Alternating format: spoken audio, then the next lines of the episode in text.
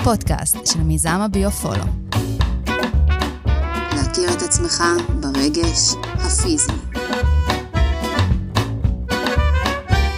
תכף מתחילים.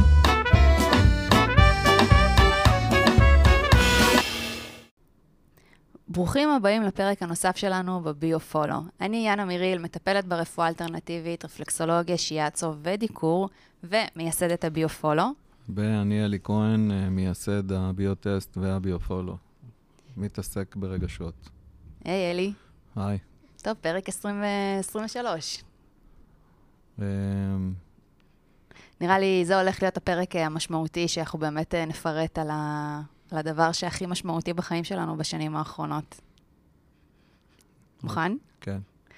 טוב, אז uh, היום אנחנו באמת נדבר על אחד הדברים הכי משמעותיים שתופסים uh, מקום בחיים שלנו, שזה החרדה. נסביר לכם מה קורה שם, גם מבחינה נפשית, גם מבחינה פיזית, למה היא תפסה מקום כזה משמעותי בחיים שלנו. אלי, אז השאלה הראשונה שבאמת הכי מעסיקה אותנו, למה החרדה תופסת תאוצה בש... כזו גדולה בשנים האחרונות? תאוצה ומקום. תאוצה בשנים האח- ומקום. כן, בשנים האחרונות. היא בעצם קיימת כבר די הרבה זמן, רק היא, היא נגעה פה ושם. מהמם. עכשיו זה ממש הפך להיות אה, משהו מאוד מאוד אה, משמעותי, מאוד, אה, מאוד קריטי. כי עכשיו היא פשוט, אה, היא יכולה להחזיק אנשים לתקופות ארוכות, בקושי או מצוקה מאוד ארוכים, וזה משבש אה, תפקודי חיים. מה זאת אומרת יכולה להחזיק לתקופות היא ארוכות? מחזיקה לתקופות ארוכות, היא יכולה להשבית אנשים ל- אה, אוקיי. לתקופות ארוכות. וזה, גם אם הם מנסים לתפקד, למשל, אם ניקח, אה, ניקח את זה לעניין, כאילו, לתפקודים של עבודה. אה, בן אדם לא ממש פרודוקטיבי. הוא יגיע לעבודה, הוא יתאמץ, הוא ינסה, אבל כל הזמן, כאילו, חלק, המוח שלו חצוי לשתיים. חצי ממנו מתפקד באופן, אה, ואני תכף אסביר רגע את המשמעות של חצי מוח וחצי מוח, זה משל, זה לא, כאילו, זה הרבה יותר מורכב להסביר את זה, אבל אני, אני, אני מפשט את זה, שיהיה אפשר לה, להבין את זה באופן מאוד פשוט, שזה לא יהיה... אז חלק מהמוח שלו עסוק בחרדה, וחלק מהמוח שלו עסוק ב- בלנסות לתפקד, בלנסות להבין מה קורה. מהמם. איזה ביטוי יש לזה? למשל, הבן אדם שנמצא לידו ומנסה לדבר איתו ואומר לו, תעשה 1, 2, 3, 4. אמ, ואז הוא לא זכר את כל מה שנאמר לו, הוא, הוא עשה את הדברים שהוא רגיל לעשות. ואז הבן הטייס אדם... האוטומטי. הטייס האוטומטי, בדיוק. מופעל. והבן אדם שהיה מולו ו... ונתן את ההנחיה, פשוט לא הבין מה... לא הבין מה קרה לו.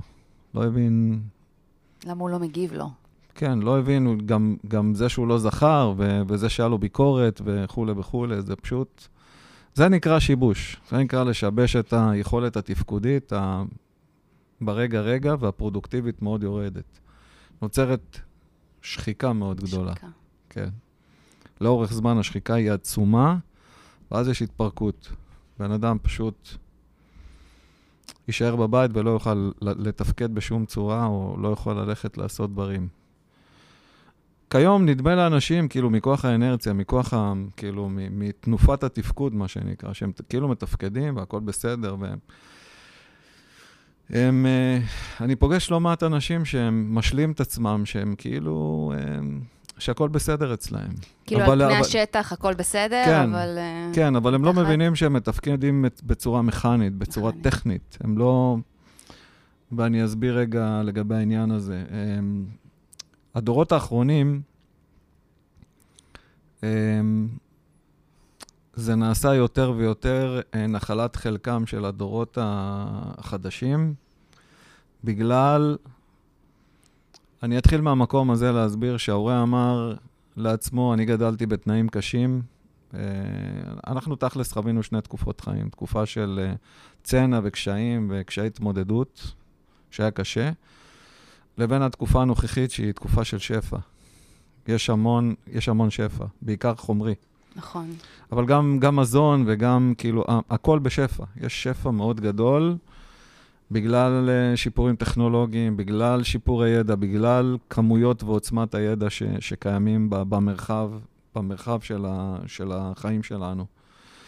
ומה שקורה בעצם זה שאנשים הם פשוט מאוד, בעיסוק של החומר, מאוד עסוקים, והם אמרו לעצמם, את הילד שלי אני אגדל אחרת. אני אגדל אותו בטוב ובשפע, שהוא לא יסבול את מה שאני סבלתי. אבל כתוצאה מזה שהוא הוא הבטיח הבטחה, אבל הוא לא כל כך מקיים אותה. ההורים, ההורים לא כל כך מקיימים אותה, למה הם לא כל כך מקיימים אותה? כי הם עסוקים בלהיות כל היום מחוץ לבית. אני מכיר הרבה סיפורים שאני מגיע לאימהות של תינוקות, שהם, שהם בני שש, בני שבע, שהם אחרי שלושה חודשים חזרו לעבודה. כי הם היו חייבות, או כי הם למדו, או כי הם עבדו, או כי הקריירה, או כל מיני דברים. גם מבחינת גם... ההישרדות הכספית, שאנשים צריכים לצאת לעבוד. גם, בדיוק. כן. או גם, אבל גם מכורח המחויבות, כי הם חושבים על אוטו יותר טוב, על בית יותר טוב, על, על, אה, על כל כך הרבה um,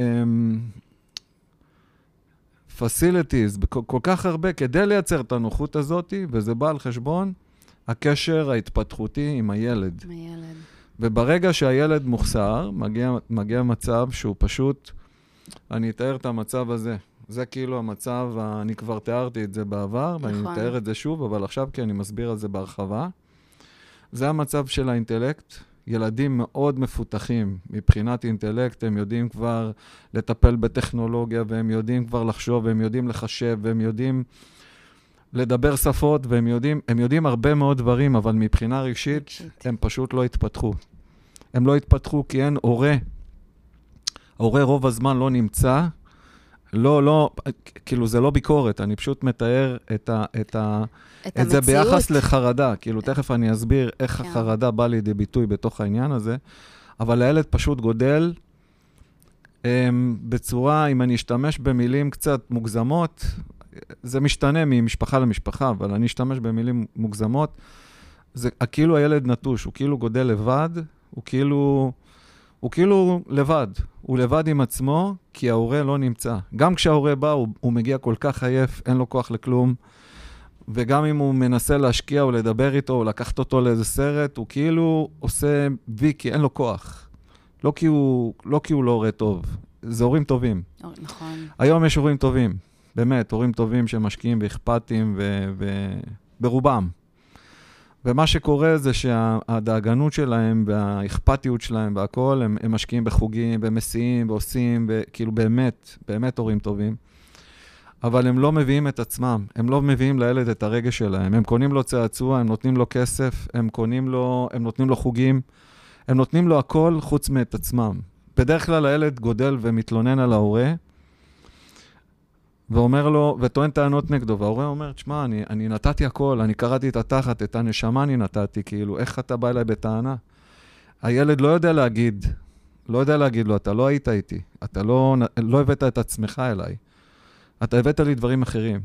נכון, השתדלת והתאמצת, אני פשוט מתרגם את זה mm-hmm. לשיח רגשי ולא, ולא השיח הטכני, ש, שילד ואבא רבים, או, או ילדה עם אימא רבות, או, או כאילו אני פשוט מסביר את הטענה של הילד, אתה לא היית שם, אתה לא היית איתי. אתה לא היית איתי. אתה לא הענקת לי את עצמך, את הרגשות שלך, לא שיתפת.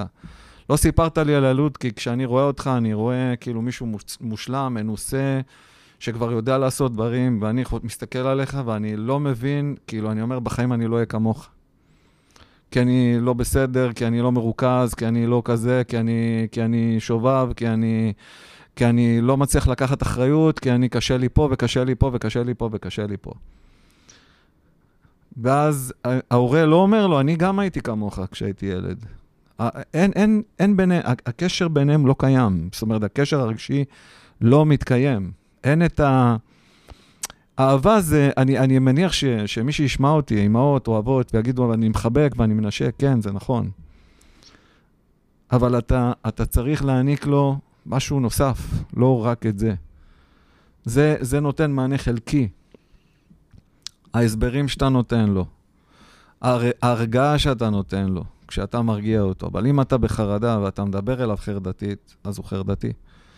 והפער בעצם בין הרגש, כי אני פוגש ילדים, או, או אני פוגש אנשים, כאילו, הגיל 30 של, של היום, זה ה-20 של, של הדורות הקודמים, הדורות המבוגרים, הדורות שלי, שהיו בני 20 וכבר היה להם בשלות להתחתן ולהקים משפחה ולהתחיל את החיים, היום זה קורה בגיל ה-30. אבל הפער בין הבשלות של האינטלקט היא מוקדמת. כבר בגיל תשע ילדים כבר חווים גיל התבגרות. בגלל האינטלקט, ה- ה- הידע המחשבתי שלהם, הידע ההגיוני שלהם, הידע הזה, הם מאוד מפותחים. הם כבר יודעים להגיד דברים מאוד מוקדם. הם חווים את גיל ההתבגרות שם מאוד מוקדם, כבר בגיל תשע כבר מתחילים לחוות גיל התבגרות. נכון, אפילו שאצלנו, גם הילדות. שאצלנו, אצלי, בתקופה שלי, זה היה העשרה. קראו לזה הטיפש עשרה, כאילו, של גיל, גיל המרד, אה, שזה היה 16, 17, כאילו, זה כבר היה גילאים מאוחרים, אבל היום זה גילאים מוקדמים. אבל כשאני פוגש ילדים, ילדים או, או נערים או בוגרים, הבשלות הרגשית שלהם היא מאוד מאוד קצרה. היא מאוד, הם, הם מאוד רגישים. ושם מתפתחת החרדה. הפער, הפער הזה, הזה. זה שאני לא יכול לעמוד במחויבות, ואני לא יכול לקחת מספיק אחריות, ואני לא יודע לעמוד במשימות כבדות, ואני לא יכול לעמוד בדרישות. אני פשוט מפחד להתפרק, כי אני, התמיכה הרגשית שלי ב, ביכולת האינטלקטואלית שלי, אין, אין את התמיכה, אין את התמיכה המנטלית-רגשית ב, ביכולת האינטלקט שלי. נגיד אם אני יודע עכשיו מתמטיקה ברמה של... אה, כמו ילדים מחוננים שבוחנים אותם על המחוננות שלהם, אז הם יודעים לעשות, הם יודעים כבר, לוקחים אותם לאוניברסיטה, לקדם אותם מהר. כי ההורים משקיעים יותר באינטלקט. באינטלקט. הם רוצים שהילד יהיה חכם אינטלקטואלית, אבל רגשית, לא מתעסקים בזה, כי לא מכירים את זה, כי לא מבינים בזה. והיום יש טרנד, טרנד גדול מאוד, יש לו בעיה רגשית.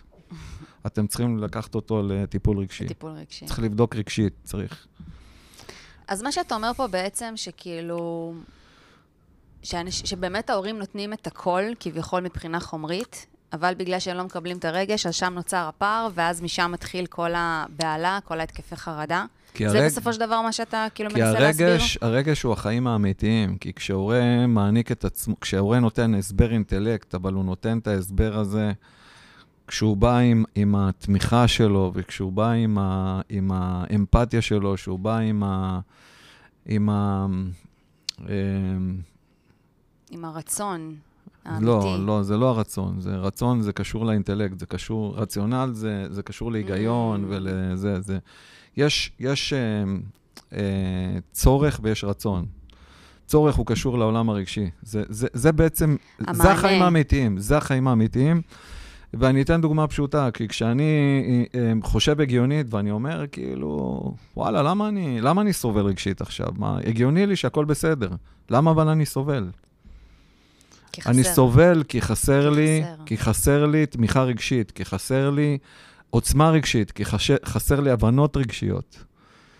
אה, אה, הגיונית, אני יודע, 1 ועוד 1 שווה 2, הגיוני לי שאם אני אגיד ככה וככה זה יסתדר, הגיוני לי שאם אני אגיד ככה וככה יהיה, אבל המקום הרגשי מאוד חסר. אני פוגש אנשים בני 22, שהם הם, מבחינה רגשית הם בני 15. אני פוגש בני 40 שמבחינה רגשית, איפה, איפה חווים את החוויות האלה ביחסים? נכון. זה גברים לב- לבנות זוג שלהם, בנות זוג ל... ל, ל בנות לגבר- זוג ל, ל, לגברים. לבני זוג שלהם. אה, בחברויות, הכל מתבטא ביחסים. ביחסים מבינים את, את החוסר הרגשי ברמה מאוד עמוקה. אנשים שלא יודעים לקרוא סיטואציות, שפועלים על אוטומט, שעושים פעולה לא קשורה, שהסביבה מצפה שהם יעשו משהו, והם עושים את הפעולה הם, הם, כי הם לא קראו נכון את הסיטואציה. והם היו בטוחים שהם עושים את הדבר הנכון, ופתאום הם חטפו אה, ביקורת על העניין. ואז הם אומרים, רגע, אז, אה, אז אני לא בסדר, או, ש, או שמי שביקר אותי לא בסדר? מה, מה, כאילו... וזה תמיד הפער. ובפער הזה קיימת החרדה. תמיד, תמיד, כשאני הולך לעשות פעולה, זה תלמיד שלומד בתיכון וצריך לעמוד במבחנים, וצריך לה, להגיש עבודות, וצריך לעשות מאמצים. את החומר הוא יכול לדעת, אבל היכולת שלו להתמיד ולהיות מחויב ולהיות אחראי ולהיות בוגר ולתפקד את זה, היא חסרה. גם אם הוא יודע לעשות את זה, והוא יעשה את זה על טייס אוטומטי, יבוא רגע שבום, הוא פתאום מתפרק. מתפרק. כן. פנתה אליי אימא, אומרת לי, תשמע, יש לי ילדה מהממת, ילדה טובה, היא, היא, היא פתאום, היא, היא, לא רוצה, היא לא רוצה לקום בבית ספר, כאילו, היא בת 16 או 15, היא לא מוכנה לקום ללכת לבית ספר. היא לא רוצה ללכת. היא הייתה תלמידה חרוצה. אני לא יודעת, אני לא מבינה מה זה אומר. איך זה קרה פתאום? איך זה למה קרה? זה- למה כן. זה קרה פתאום? אני זה נותנת קרה? לה הכל, בדיוק. לא חסר לה כלום. או אני אתן עוד דוגמה, ילד בן חמש וחצי, ילד בן חמש וחצי, שבורח לו בתחתונים. ומה שקורה בעצם זה שההורים חסרי אונים, כי, הם, כי הוא ילד גדול כבר, והוא אמור כבר אה, ללכת לשירותים, להחזיק את הצרכים. בדיוק. ואז מסתבר שמבחינה רגשית הוא פשוט לא מרגיש את ה... את ה ברגע האמת, הוא לא מרגיש שהוא צריך ללכת, הוא לא מרגיש את החוויה, התחושה הפיזית תחושה. שאומרת לו, אני צריך עכשיו ללכת לשירותים. כאילו עד כדי כך מנותק מהגוף הוא הפיזי שלו? מנותק מהגוף, אבל יש לזה סיבות רגשיות, אני לא אכנס לזה כאן, אבל ברמת העיקרון, ברמת העיקרון יש חסם שמונע ממנו, וזה התגובה של ההורים. ההורים כאילו, הם לא ידעו מה לעשות, הם הלכו לטיפולים, הם הלכו לטפל אצל, אה, בטיפול כזה, בטיפול כזה, הם עשו לפחות, הם ניסו איזה חמישה סוגי מטפלים כדי לפתור את העניין הזה, והעניין הזה לא נפתר. אני אחרי חודש פתרתי את זה, כי, כי עזרתי לו מבחינה רגשית להתחבר ל- לתחושה, אוקיי? אבל זה היה דרך ההורים, דרך כלים שההורים קיבלו. והם פשוט עודדו אותו להתחבר לתחושה, וזה פתר את העניין. זה לכאורה נשמע פשוט, אבל, אבל כשנמצאים במצוקות זה נראה פשוט חוסר אונים, ואין אין אפשרות לפתור את זה. זה כאילו לא פתיר. והם היו כבר ממש הם, חסרי ישע, הם אמרו כאילו... ואז הם כל הזמן דיברו לידו על זה ש, שהם כאילו הייתה מדברת, נגיד האמא הייתה מדברת עם הסבתא, והייתה מדברת עם האבא, והייתה מדברת, מתוך המצוקות שלה, היא הייתה פשוט מדברת על החרדה שלה, שזה. לא... שהיא לא יודעת מה לעשות עם זה, שהיא אימא טובה, והילד שלה בורח לו, ו- וזה נראה לא טוב. והחרדה שלה, שהיא אימא גרועה, הילד ספג את זה. כל היום הוא היה שומע את האימא, הוא היה נוכח הרי, ב- ב- הוא, הוא נמצא בתוך ה... הוא נמצא במרחב, הוא כל הזמן מקשיב לשיחות, הוא כל הזמן, והוא מבין שמשהו לא בסדר איתו. והוא גדל את ואז הוא, הוא גדל, הוא והוא גדל מנתק את זה. עצמו יותר ויותר יותר. מעצמו, כי הוא מבין שהתקלה הזאת, הוא לא רוצה אותה את- בעצמו, הוא רוצה להיות פתאום משהו אחר, כי הוא לא יכול לקבל את התקלה הזאת, כי ההורים אומרים לו, אנחנו לא מקבלים את זה. אז הוא כל הזמן חווה את, ה, את התחייה, או את ה... הוא, הוא חווה את, ה, את, ה, כאילו, את ההתנגדויות של ההורה, ואת החרדה של ההורה, מזה שזה משהו לא הגיוני. ואז ההורה מעביר לו את זה, וזה עובר ב- בקטע של לימודים, ובקטע חברתי, וכל... אפילו, אפילו בשיחה פשוטה עם ה... של הילד וההורה. נכון, אבל זה בכל עובר. מיני תחומים. זה, זה, ב- וה- והילד הזה גודל, אחר כך למקום הפער הזה בעצם קורה. אני, אני פוגש אנשים שהם כאילו... הם... הם נגיד אנשים שהם מעשנים גראס, לדוגמה. אז ברגע שהם כל הזמן משתמ... הם, הם מתחילים להרגיש לא טוב, כאילו מבחינה רגשית הם לא מרגישים טוב, הם הולכים להרגיע את עצמם. באמצעות הגראס. באמצעות הגראס, כן. הם הולכים להרגיע את עצמם, הם פשוט, זה מרגיע אותם. אבל זה כאילו מזיז את הבעיה. הם לא מת- כאילו, זה, זה מזיז אותה, זה מזיז אותה באופן מלאכותי. מלאכותי, כן. אני קורא לכל הדברים האלה שזה זה חוויה מלאכותית. היא לא, כי אתה לא באופן טבעי, אתה לא בונה משהו, אתה, אתה לא מייצר מנגנונים טבעיים בדיוק, כן, זה שיודעים לנהל את זה. אתה לא עושה את זה, ולכן אתה, אתה, אתה או את פשוט עושים את, את, את מחמירים, את את, מחמירים. את המצב. את, אתם כאילו מנוונים משהו ש, שמשתוקק לזה שתגדלו אותו ותטפלו בו ותעניקו לו ו, ותתמכו בו, וזה לא אומר שזה לא בסדר, זה אומר שזה חוסר ידע. זה אומר שלא לא מקבלים את המענים הנכונים, או לא פונים למענים הנכונים. ואז בעצם מה שקורה זה שהמצב מוזנח, יש הזנחה שהאיברים האלה מתנוונים. ואז קורים, פתאום יש התפרקויות. אני פוגש הרבה מאוד אנשים שקשורים לגראס, שיש להם התפרקויות. הם פשוט מפסיקים לתפקד. גם כאילו מבחינה פיזית, ההתפרקות מבחינה לא, פיזית. יש להם התפר... התפרקות מנטלית, והם פשוט לא יכולים לתפקד, הם פשוט לא יכולים לחשוב. יותר, הם לא יכולים...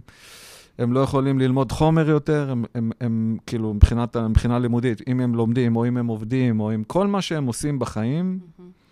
הם פתאום לא יכולים לעשות את זה.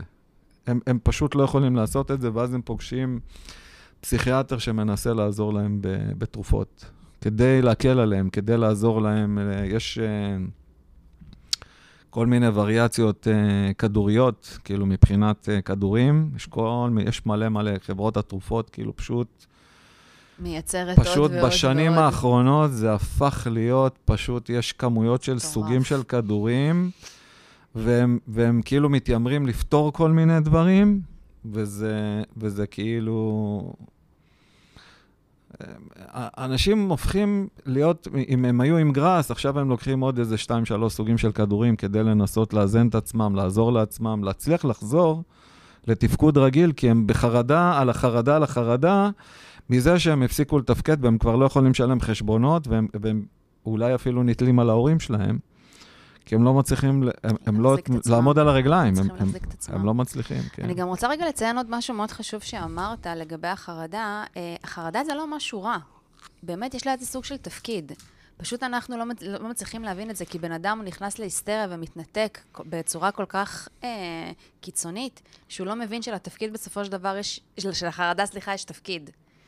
בוא, בוא תסביר לנו, מה, מה החר- התפקיד של החרדה? החרדה מספר, החרדה היא כאילו, זה שם, חרדה, חרדה, כולם. חרדה, בדיוק. איפה, כל מקום שאני הולך, חרדה, או בחרדה כזאת, בחרדה כזאת, כל, כאילו, כל הזמן. וגם אנחנו, מטבע הדברים, מדברים על זה, כי, כי הרבה אנשים מגלים את זה פתאום, או נקלעים לזה פתאום, או... אין בן אדם, אין בן אדם בעולם הזה שאין מישהו שקשור אליו שיש לו חרדה. או הבן, או האח, או האימא, או הסבתא, או הוא עצמו. מה, אפילו ילדים בני תשע כבר מדברים, אני בהתקף חרדה. ילד בן תשע. תסמני כל בית, כל בית. אה, ילדים קטנים, כמו שאת אומרת, כן. ילדים קטנים. אני בחיים לא אשכח שהייתי בקניון, ובאמת שמעתי ילדים מדברים על זה. אחי, אני בהתקף נכון, חרדה. נכון, אבל... ילד הח... בן תשע. נכון, אבל חרדה בעצם זה, זה, זה הגדרה למשהו שמספר, זה שאני פשוט לא מפותח, אני מצומצם, אני מכווץ. אני נשארתי, אני תקוע בילדות שלי, בילדות. המוקדמת שלי, אני תקוע שם, למרות שאני כבר בן אה, 30, בן 40, בן 50, אני תקוע אי שם בילדות שלי, שם נתקע, נתקעה ההתפתחות שלי, ואני צריך לבצע פעולות שקשורות, שדומות לחוויה, התפת, כאילו, לחוויה ש, שקשורה לחוויה הזאת, שהייתי אמור להתפתח בה ו, ולדעת להתנהל בתור אדם בוגר, אני תקוע שמה מחוסר יכולת תפקודית. וזה, וזה האי-יכולת. זה האי-יכולת שלי לבצע פעולות שהיום בתור אדם בוגר, כל, כולם מצפים ממני שאני אדע לעשות את זה, אבל אני לא יודע לעשות את זה. אז מה שאתה אומר שבסופו של דבר התפקיד של החרדה היא פשוט באה לעורר אותנו, לעורר אותנו שנלמד, שנתחבר יותר לעצמנו, שנבין על מה זה באמת יושב. החרדה היא, היא, היא הגדרה לזה שאני לא מפותח מבחינה רגשית בנקודות מסוימות. עוד פעם, זה משתנה מאדם לאדם. כל אחד ברור. יש לו חרדה אחרת. כאילו, חרדה זה משהו כללי, אבל כל אחד זה, זה צריך לדייק ולאפיין איפה זה, איפה, זה לא, איפה זה לא מאפשר לו. זה קשור לתלות, זה קשור ל, לסימביוזה. זה כאילו, ה, ה, הסימביוזה כאילו להורה. גם להורה, גם התלות? לכל מיני, כן, אבל זה, זה ברגע שאני תלותי ואני לא מפותח ואני חייב את ההורה לידי, אני לא יכול, אני פוגש הרבה ילדים בוגרים, בין, אה, ש, כאילו, כמובן, הגילאים הצעירים זה ברור, אבל אני, אני פוגש אנשים שכבר עברו את גיל 20, שהם תלותיים בהורה, הם מספרים להורה כל דבר, הם משתפים אותו כל דבר, הם מצפים ממנו שיציל אותם מכל שיציל דבר, אותם. והם... אפילו מכינים לו את הסנדוויץ' כל בוקר עדיין, גם כן. בבני נוער שהם באמת מתבגרים. כן, ואם ש- אני הולך לאפליקציות, האפליקציות של, ה, של הדייטים, או, אז- זה לגמרי. שמה, כאילו, זה, זה תופעה מאוד נרחבת של, של אנשים חרדתיים שמנסים, שמנסים למצוא זוגיות, שמנסים להתחבר, שמנסים ל, לקיים uh, משפחתיות, זוגיות, לא יודע, כל מיני כאלה, ו, והחרדה פשוט משתקת אותם. אני יכולה להגיד את זה גם מהחוויה האישית שלי, שבאמת, אני גם נמצאת באפליקציות, וזה פשוט מדהים לראות, זה לא, כאילו, זה לא מדהים, אבל זה פשוט כבר, אני מודעת לזה, אז אני רואה את זה מאוד שחור על גבי לבן. נכון. כאילו שיש להם יותר, הם כל פעם אומרים, אני מפחד להיות לבד, אבל הם יותר מפחדים מההתחייבות. נכון, כאילו, הם פשוט לא יכולים להתחבר. נכון, כאילו, זה ממש ממש ניכר עליהם, זה נכון. מעצי... זה אותי, כאילו, אתה יודע, בתור אחת שבאמת מנסה להתחבר ל... לבני זוג, זה כאילו, זה פשוט מאוד ניכר על הבנים, גם בני 35 וגם בני 40. כן. כאילו, מה ש... אני בדיוק מחדדת את מה שאמרת, שזה לא הגיל. הוא יכול להיות בן 40, לא, אבל הבשלות. עדיין להתנהג בן... החרדה 15. אומרת, החרדה אומרת, אני לא בשל, אני לא בשל. למשל, היה, הם, יש ילדים שאני פוגש שהם צריכים כבר לעלות לכיתה א', ואני פשוט ממליץ להורה להשאיר אותו עוד שנה בגן. הוא לא יכול לעלות לכיתה א', כי אם הוא יעלה לכיתה א', יהיה שם הרבה מאוד בעיות. למה? ב- כי אין לו את המנגנון, אין לו את הבשלות, אין הוא לו את ה... עדיין לא, הוא, הוא צריך אה. להישאר עוד שנה ולשחק בארגז חול, הוא צריך עוד קצת, ל, ל, הוא צריך עוד קצת ל, להבשיל. הוא צריך עוד קצת, אה, אה, הוא- עוד, עוד, את השקט הזה, לא ללכת כבר ולהיכנס למצב שדורשים ממנו לימודים ולהתרכז כן. בשיעורי בית וללמוד ככה וללמוד ככה, כאילו, לתת לו עוד קצת להיות במשחקים. וואו, בטח ההורים לא מגיבים. אחד, ה, אחד, ה, אחד המרכיבים שאני לא, שאני רוצה להעלות רגע, זה העניין של המסכים. אנשים פשוט, או סדרות טלוויזיה, או מסכים, או כל מיני, או כל מיני דברים שקשורים ל... לגירויים, יש, כאילו, יש היסחפות ממש ממש מטורפת. בחרדה, החרדה אומרת, אני לא יכול לסמוך על עצמי, כי אני לא בשל. כי הצד הרגשי שבי לא יכול לתמוך את ההתפתחות המהירה של מבחינת שנים. כיתה א', ב', ג', אה, בגרויות, אה, צבא, אני לא... קצב ה... כאילו, מה שאז היה, ש, ש, שאז, לפני הרבה שנים, בתקופה שלך, מה את- שאתה מסביר על התקופה שלך? ההתפתחות הטכנית מבחינת שנים, לא, לא שלי, כאילו, אני מדבר בכלל, מבחינת, מבחינת אה, התפתחות בני האדם, אוקיי. לא רלוונטית יותר. זאת אומרת שבגיל 6, שמעלים ילד לכיתה א', צריך כבר לעשות, לבחון את זה אחרת כבר. צריך להבין את זה. צריך להבין את, ה, את החוסר בשלות הזאת. איזה, איזה השפעות יש לה על התפקודים. איזה, איזה השפעה יש לזה על, ה, על הסבל וה, והיכולות של הבן אדם להגשים פוטנציאלים, לפתח את עצמו, וואו. להתקדם בחיים. עוד פעם, טכנית זה אפשרי, אבל מבחינה רגשית, רגשית. הסבל הולך וגדל. זאת אומרת, אנשים כבר לא חיים בטוב. יש שפע, אבל בצד זה יש סבל נוראי. אנשים מבחינות רגשיות, מבחינות, מבחינת החיים שלהם, איכות החיים שלהם ירדה בצורה נוראית. המצב הידרדר מאוד. עכשיו, כל טריגר שקורה בחיים, בעולם, וקורים הרבה טריגרים בחיים. ברמה המדינתית, ברמה, ברמה הארצית, ברמה... כל הגלובלית. דבר... הגלובלית. כל דבר כזה נראה כמו איזה, לא יודע, קטסטרופה. סוף העולם. כן, היכולת, היכולת. להכיל או להתמודד כבר, היא ירדה, סף הרגישות הוא כבר מאוד מאוד נמוך. מאוד נמוך. אין, לה, אין את ה... אין העמידות, העמידות היא כבר לא... כבר לא הבשלות, ח- כן, העמידות, הבשלות, ההתמודדות, הכל כזה, הכל, המצב. הידרדר מאוד. הכל רופס. כן. ואז את יכולה לשמוע כל מיני אנשים שאומרים, המצב אה, במדינה הידרדר, כן. וזה הידרדר, וזה זה לא... הכל אותו דבר. זה כבר, כל הזמן, זה, זה חוזר על עצמו. אבל מבחינת הנפש נחלשה. הנ- הנפש של בני, נפשות בני האדם נחלשו מהסיבה הזאת, וזה, וזה בא לידי ביטוי בחרדה. נכון. אני גם רוצה באמת לחדד את מה שאתה אומר, שכאילו שהילד בהתפתחות שלו, מרוב שהוא גדל בצמצום ובהתכווצות, אז גם המערכות בגוף הן לא מתפתחות כמו שצריך. אפילו כאילו המערכת הלימבית, ששם היא קולטת את כל המידעים שלנו, זה, המידע עובר כאילו בצורה כל כך כל כך ירודה, שגם כשהבן אדם אה, מנסה להבין את מה שקורה, מנסה לקרוא את הסיטואציה, הוא לא מצליח, כי רמת העיבוד היא מאוד מאוד מאוד נמוכה, כי אין לו את היכולת, אין לו את המנגנונים, אין לו את היכולת פשוט להבין את מה שקורה. שזה נכון. גם משהו כאילו שהוא מאוד קריטי נכון. מבחינה פיזית. הכאבים, הכאבים שאנשים חווים, הם חווים בגלל שחלקים מהם, בגוף בפיזיות לא שלהם, נתקעו התפתחותית. ממש. כשההורה, למשל, אני אתן לך דוגמה, למשל, אם, אם אימא גידלה ילדה והייתה צריכה לתת לה מודל לאימהות או לנשיות, או אותו דבר גבר, שאבא שלו היה אמור לתת לו מודל לגבריות ולאבהות. ברגע שהם החסירו המון מהעניין הזה, הילד הזה גודל, או הילדה הזאת גודלת, ואין לה את היכולת לממש את התפקידים האלה. היא מאוד מפחדת, היא מפחדת ללדת, היא מפחדת להיכנס להיריון, היא מפחדת ממחויבות. הוא מפחד להיות אבא, הוא מפחד לגדל ילדים, הוא, הוא כאילו, כולם פתאום צריכים, הם, הם כאילו, כולם פתאום נעשו מאוד אינדיבידואליים וסוליסטים ומבודדים, שהם לא יכולים להתחבר ולקחת אחריות על מישהו לידם. אין להם את היכולת, כי אין להם מספיק בשבילם, לא אנרגיה, לא כוחות, לא התמודדויות. הם, הם פשוט, ה, ה, זה... שקועים בעצמם? לא שהם שקועים בעצמם, אין להם את זה. הם, הם, הם פשוט... הם, לא, אמרת מקודם באינדיבידואל, הם נמצאים כאילו בעצמם, באינדיבידואל שלהם. כי הם מתמודדים, כי הם מנסים כן. קודם כל לפתור לעצמם, והם להם, הם לא פנויים בכלל למישהו אחר, למישהו, כאילו, כן. אין להם את היכולת הזאת.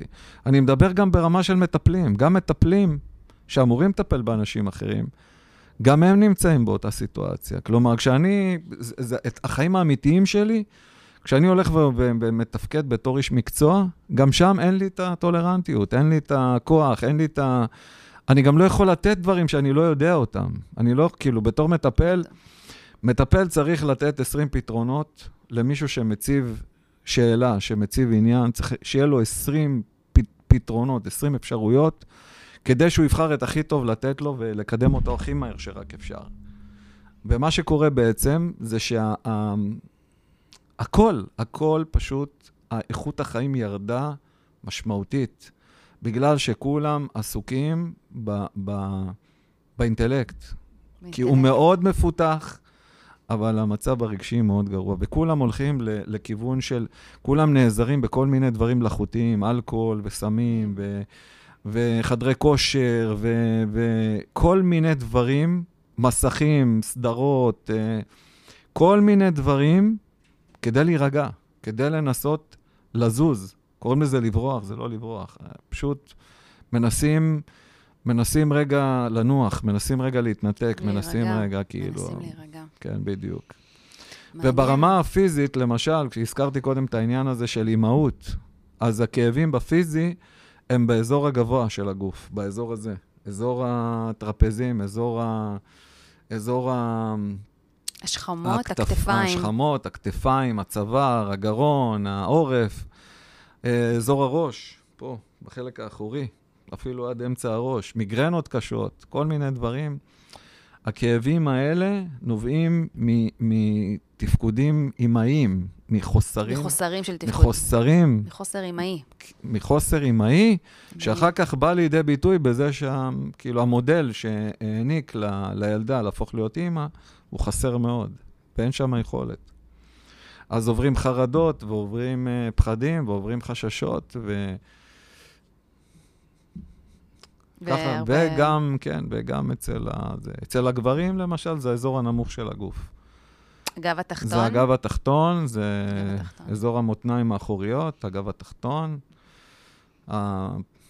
הפלווס, הסנקרום, כל האזורים האלה, אזור האחורי של האגן, כולל הגב התחתון, כל האזורים האלה פשוט במצוקה וכאבים מאוד גדולים. כמובן שיש עוד uh, כל מיני אזורים בגוף, אבל אני נתתי איזה שני דברים מאוד מאוד עיקריים, שאנשים מאוד סובלים. נשים באזור הגבוה של הגוף וגברים באזור הנמוך של הגוף, ו- ואני מדבר ככה סטטיסטית, כאילו, מבחינת uh, כן. מאפיינים שאצל גברים ומאפיינים אצל נשים. נכון, יש את הפרסונליזציה.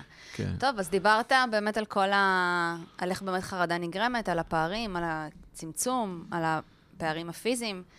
אז מה בעצם הפתרון? מה הפתרון, איך אתה מציע להורים וגם לאנשים שמאזינים לנו? אתה יודע מה, בוא נתחיל, בוא נלך אפילו כבר לתקופת הילדות. איך אתה מציע להורים להביא את עצמם, כדי שהילד יגדל עם כמה שפחות חוסרים? כי בוא, אין דבר כזה מושלם. אבל איך אתה באמת מציע שהורה יגדל את הילד שלו לא רק ברמת האינטלקטואל, גם ברמת הרגש? כי זה בסופו של דבר מה שילד באמת צריך. הורה, הורה צריך כלים כדי לתרגל את זה גם עבור עצמו וגם עבור הילד. זה כאילו... אה, אה, בתור, אה, כאילו, אה, עכשיו אני לא יכול לתת פתרונות, זה לא... זה, זה, זה לא כאילו אה, איך, איך להשתמש בסבון, או איך להשתמש בכאילו נפש האדם, זה משהו מאוד מורכב, אז אה, נכון. זה מצריך את הכלים, אבל בעיקר אצלי, ב- בהוראה שלי, ההוראה זה כמו, אני כמו מורה. אני, כשאני אתן את הכלי, אני חייב שהבן אדם יבין למה צריך את הכלי. שזה כאילו בסשן בביו-פולו, בסופו של דבר. כן, למה הסשן. צריך את הכלי? ולמה הכלי הזה חשוב להשתמש בו, ואיך הוא משפיע, ואיך להיעזר בו, ואיך לדעת להטמיע אותו ולהפוך אותו למשהו, להרגל, כי זה מאוד מקדם. וזה מאוד עוזר, אבל כרגע פתרונות, כאילו, זה נראה לי לא, לא פשוט לתת אה, פטנטים. אני, אני לא ב... אנחנו לא אני בז'אנר אני שלו. לא בז'אנר של הפטנטים, הפטנטים. כאילו, אני לא שם. אז בעצם מה שאתה מציע זה פשוט שאנשים יבואו לסשן בביו-פולו. דרך הסשן באמת אפשר לבוא נקודתית ופרסונלית לאותו בן אדם, ופשוט להבין על מה זה באמת יושב, כדי שתוכל לתת לו את הכלים ואת הליווי ואת התמיכה כן, הנכונה. אבל זה כאילו, ב- ב- ברמת העיקרון, זה כאילו, כל העניין של היושב, זה, זה דברים שהם צריכים להתברר באופן מעמיק, זה לא כאילו... היה פעם, פעם היה פטנטים. סיסמאות ופטנטים, כן, היום זה זה כבר לא לא, לא רלוונטי, וזה... אני לא יודע גם אם פעם זה היה רלוונטי, אבל סבבה, אוקיי. זה... היום יש באמת את החיים כן. האמיתיים, ויש את הפרסונליזציה של כל בן אדם. אין את כן. התיאוריות הכוללניות. נכון, אבל בגדול, בן אדם צריך לפתח מנגנונים, זה ממש לגדל אצלו מנגנון שתומך התפתחותית, את המקום שנעצר התפתחותית, זה לעזור לו ולגדל את המקום הזה. זה לגדל את המקום הזה, וזה זה מה שקורה. זה מה שאני עוזר לו להבין, וזה, וזה בעצם אה, אה, דרך תוכן, אבל בעיקר, בעיקר, בעיקר להבין למה הוא צריך לעשות משהו מסוים כדי לעזור למקום שנעצר התפתחותית, לעזור לו להתפתח. כי זה בעצם האיזון, כי כשאני מראה את הדבר הזה, בן אדם ממש ממש ממש לא מאוזן. והחוסר איזון נובע משני הדברים האלה. ואת הפער הזה, יש דרך, יש פטנט מאוד מהיר ללכת לנוירולוג או פסיכולוג, לקבל איזשהו כדור או תרופה, או ללכת לגראס או לאלכוהול או כל מיני כאלה, ולסגור את הפער בשנייה אחת. ברגע, טאק, סגרתי את הפער והכל כן, מדהים. סוג של פלסטר. הוא לא מחזיק הרבה זמן, הפלסטר הזה, בדרך כלל. כן, בשלב מסוים אנשים לא מבינים, אומרים לי, תשמע, אני התחלתי עם מינון, היה בסדר לי, ו- וכאילו, ופתאום התחלתי לעלות במינון, ועליתי ועליתי ועליתי, ועכשיו הכדורים כבר לא עוזרים לי לא בכלל. משפיע. זה כבר לא משפיע לי, בכלל מה, לא מה זה משפיע. אומר? מה, אה, איך זה יכול להיות? מה קורה לי? מה, ואז החליפו לי לכדור ההוא, והחליפו לי לכדור ההוא, ו... ואז עשו קוקטייל, וניסיתי את זה, עשו ועשינו קוקטייל קוקטיילים. תרופות. וכאילו, כן, ממש. כן. כן, אז אה, טוב, מאזינים יקרים, זה... מה שאלי בעצם מנסה כאילו להסביר פה, שיש משהו שהוא מאוד כאילו אישי. נכון. כל בן אדם מביא איתו משהו אחר לחלוטין. נכון, ואת ה, החוויה הרגשית אנחנו יכולים בעיקר לחוות גם באזור הפיזי. אם אני לא באינטלקט ולא ברגש, אני יכול לחוות את זה פיזית. מה, אבל- כאילו כאב פיזי? כן, כאב פיזי. אוקיי. מבחינת כאב פיזי. זה, זה מאוד, זה, הקשר בין, ביניהם מאוד הדוק. כשהאיבר הנפשי סובל, אחר כך האיבר, הוא. הוא מעביר את הסבל לאיבר הפיזי, ואם האיבר הפיזי סובל כי האיבר הנפשי מנותק ממנו ומתפקד בצורות אחרות, אז הכאב הפיזי יעביר את, ה, את הלחץ לאיבר הנפשי. זאת אומרת שהם הם, הם שזורים זה בזה. הכל הם, שזור. הם קשורים אחד לשני. נכון. כשרואים את האיבר הנפשי, יודעים על האיבר הפיזי שקשור אליו. כשרואים את האיבר הפיזי, רואים את האיבר הנפשי שקשור אליו. ולכן צריך לעשות ביניהם את ה... את ה מאץ'. לעשות ביניהם התאמות, איזונים, השוואות, אבל דרך מנגנונים, מנגנונים שידעו לתחזק את זה גם אחר כך. אז זה גם מונע המשך הידרדרות, זה מונע גם החמרות. להפך, זה גם משפר את איכות החיים. כי איכות החיים שלנו הידרדרה מאוד, נכון. מהסיבות שהסברנו פה היום. כן, וזה בדיוק המענה הזה, כאילו שזה גם בפן הרגשי, המנגנון שנבנה לנו מבחינה רגשית, מה שקורה בתהליך בביו-פולו, וגם כאילו הקטע של המענה הפיזי, שבש את הטיפול המדויק והנכון עבור אותו בן אדם, שהוא באמת, האיבר שלו יתפקד יותר טוב, שהגב שלו יהיה הרבה יותר חזק, סתם הבאתי דוגמה, אם זה גם באמת אנשים שבאים אלינו באותו רגע שהם בהתקף חרדה, אז אנחנו באמת יודעים לקרקע ולאזן דרך הרפלקסולוגיה. זה פשוט לתת את המענה הנכון באותו רגע. נכון. וזה באמת הייחודיות של, ה, של הביו-פולו. נכון. של לזהות את הנזק הפוטנציאלי שנהיה, שהשחיקה הפיזית, וגם לתת את המענה הנכון. כן, והשחיקה היא תוצר שאנשים מאבדים באלף. זה כאילו עיבוד בשל עיבוד יתר. כאילו המוח יוצר עומסים מטורפים על בתוכו כדי למצוא מענה ופתרון, והוא לא מצליח. הוא לא מצליח, ובגלל שיש עיבודי יתר, יש אובדן, אובדן מבחינת, באלף. באלף, לאבד. לאבד איבדתי. בעצם את, ה, את המצב של uh, כאילו, um, זה, זה, זה פשוט יוצר עיבוד, אובדן שליטה. אני כאילו חי את החיים האלה ואני כל הזמן בחרדה שאני מאבד שליטה. מאבד. שום דבר לא מצליח להתחבר לי, הכל מתפזר לי, הכל מתפרק, וזה מתחיל בשלב מסוים לייצר הפרעה, הפרעה חשיבתית. כי המוח לא סומך על היכולת שלו להתמודד, לתפקד, להגיע למסקנה טובה, כי הכל כל הזמן דחוס. דחוס. אנחנו יותר מדי, עם יותר מדי עומסים, עבודה, מדי. עבודה מטורפת. 24/7 אנחנו בעבודה, 24/7 אנחנו ב... באימהות, רק במחשבות, לא, לא כי אנחנו עושים פעולות, אנחנו כל הזמן רק במחשבות של זה. אוכלים לעצמנו את הראש, כן, קיצור. המו, המוחות שלנו מתפוצצים כבר, והחרדה היא, היא המיגרנה, זה שהמוח אומר, חלק מהמוח אומר, די, חלאס, מספיק, די, די. אז זה, זה פשוט עיבוד בשל עיבוד יתר, עיבוד בעין, עיבוד יתר עיבוד בעין, יתר בעין. ואנחנו בעצם באובדן שליטה. ואנחנו בסבל מאוד מאוד גדול. כן. וזה באמת uh, מה שאנחנו רוצים להציע לכם בביו-פולו, שפשוט להפוך את החיים שלכם להרבה יותר רגועים. יש אפשרות להגיע לשם.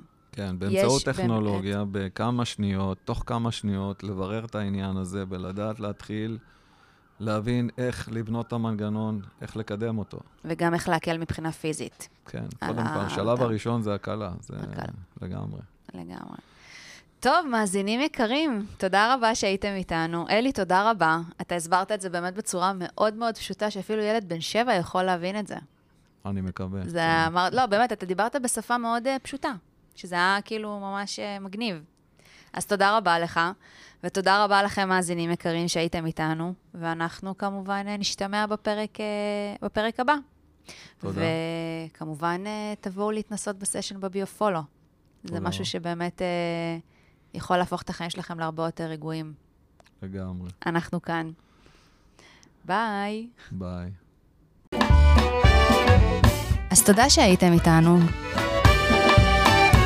כמובן שתוכלו למצוא אותנו גם במדיה החברתית, בפייסבוק ובאינסטגרם, ביו-פולו באנגלית, ובאתר אינטרנט שלנו www.biofollow.co.il.